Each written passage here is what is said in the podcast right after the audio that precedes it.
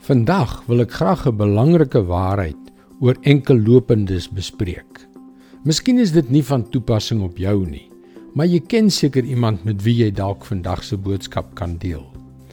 Hallo, ek is Jockey Gouchee vir Bernie Diamond en welkom weer by Vars. Of ons daarvan hou om dit te erken of nie, diegene wat getroud is, het die neiging om neer te sien op diegene wat nie getroud is nie. Het jy al ooit gevind dat jy wonder wat is verkeerd met hom?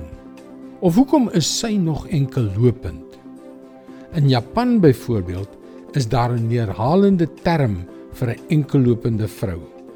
Hulle noem haar 'n mooi Kersfeeskoek. Maar ons wys nie die vinger na die Japaneese nie, want daardie neiging om te wonder wat die probleem met volwasse enkellopendes is, strek oor alle kulture. En dit is daardie neiging wat ek graag vandag wil aanspreek en in perspektief wil plaas. 1 Korintiërs 7 vers 32 tot 38. Ek wil hê julle moet vry wees van sorge. Die ongetroude man gee aandag aan die dinge van die Here, aan hoe hy die Here kan behaag. Die getroude man gee ook aandag aan die dinge van die wêreld aan hoe hy sy vrou kan behaag en sy aandag is verdeel. Ook die ongetroude vrou en die jong meisie gee aandag aan die dinge van die Here om na liggaam en gees aan hom toegewy te wees.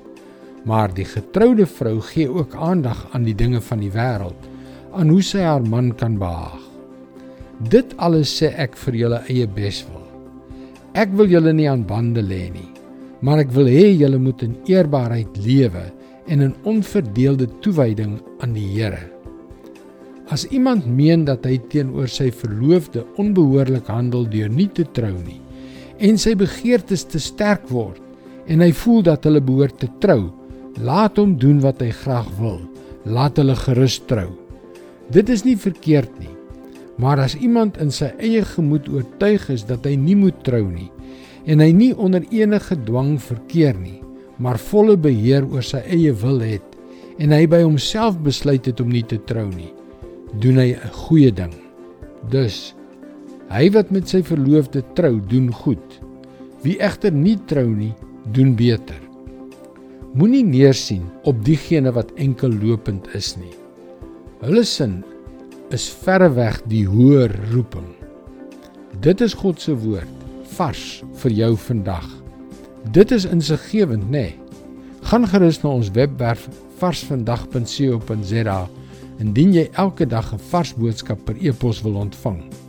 Luister weer môre op dieselfde tyd op jou gunstelingstasie na nog 'n vars boodskap. Mooi loop. Tot môre.